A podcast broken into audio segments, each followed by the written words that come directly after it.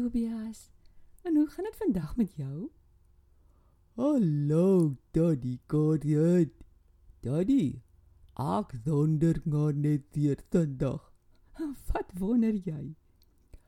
Het Jesus ooit in die tuin ons uit die klas gewerk? Tobias, dis nou 'n interessante vraag wat ek nie vir jou kan antwoord nie.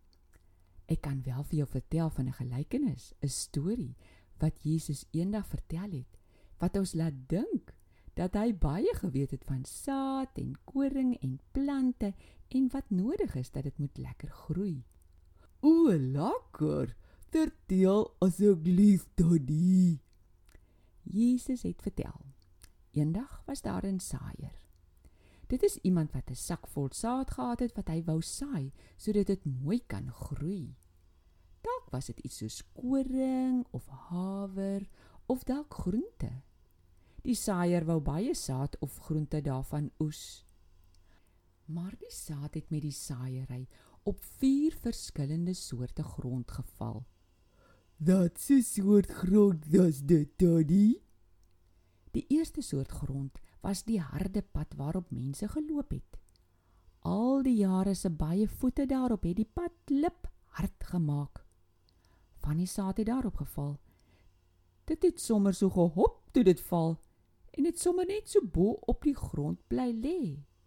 Daar was nêrens 'n sagte sandkorreltjie waarin die saadjie kon gaan val nie. Die voëls het gesien die saad val op die harde pad. Net toe die saaier sy rug draai, toe vlieg hulle vinnig en gaan pik die laaste saadjie op. Niks was oor nie. Niks daarvan kon groei nie. Tweede soort grond was vlak grond wat bo op 'n klipbank gelê het. Sommige saad het op daardie grond geval. Hulle het in die grond ingeval. 'n Ou klein worteltjie het af van die grond begin groei en klein blaartjies het bo op die grond uitgegroei. Maar sommer vinnig vinnig, toe groei die worteltjie boems teen die klipbank vas en kan nie verder nie. Die worteltjie kon nie dieper gaan om te gaan water soek nie. Toe die son op hierdie pleintjie skyn, toe verdroog hulle sommer vinnig want die grond was te vlak met geen nattigheid vir die klein worteltjie nie. Dis jonger daddy. En die derde soort grond. Die derde soort grond was lekker grond, maar daar was ook baie onkruidsaad in die grond. Saad van plante soos sydissel of dalk dubbeltjie saad. Die saad het begin groei wat die saaier gesaai het, maar die onkruid ook.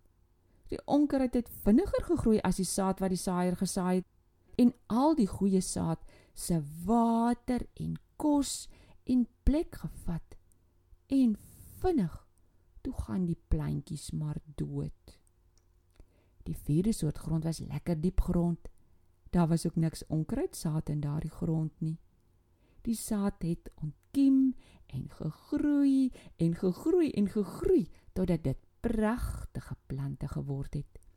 Dit het sommer baie goeie saad gedra wat die saaier kon gaan oes toe dit ryp geword het.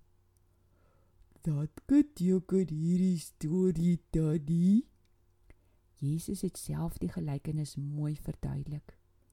Die saad wat op die harde pad geval het, is soos mense wat hoor van Jesus, maar hulle glad nie aan hom steur nie. Die vyand, die duiwel, kom vas sommer gou alles wat die mense van Jesus gehoor het, vinnig uit hulle koppe uit, net soos die voëls vinnig die saad kom opeet het. Dis daarom jonger. Ja, Tobias, maar ons is ook jammer oor die tweede soort mens.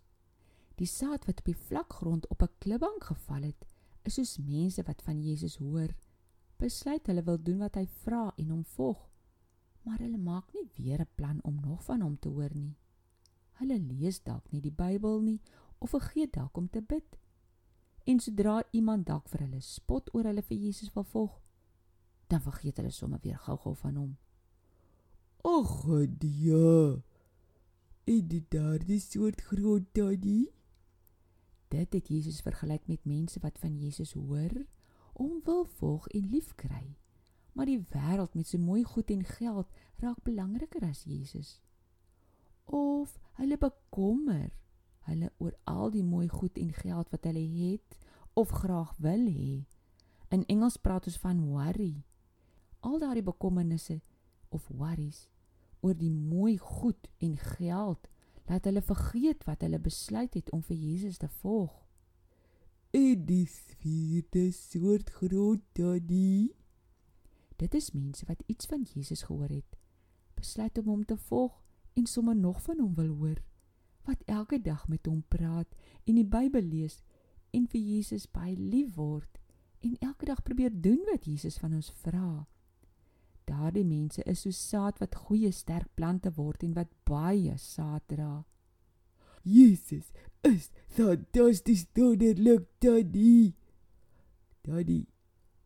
Dit maak nie meer saak of Jesus in die tuin of op die plaas gewerk het nie. Ek weet dit. Ek wil graag iemand wees dat soos die goeie grond is. En hoe gaan jy dit regkry, Tobias? Ek gaan vir Jesus vra om my te help elke dag dat die duiwel nie vir my van hom dat vergeet nie. Ons dat ek vir goeders en geld liewer sal word as vir Jesus nie. Ek wil elke dag van hom hoor en ek wil elke dag net hom troot. Dis wonderlik. Gaan maak dan so Tobias en ons gesels weer ander dag. Totsiens, Daddy. Totsiens Tobias.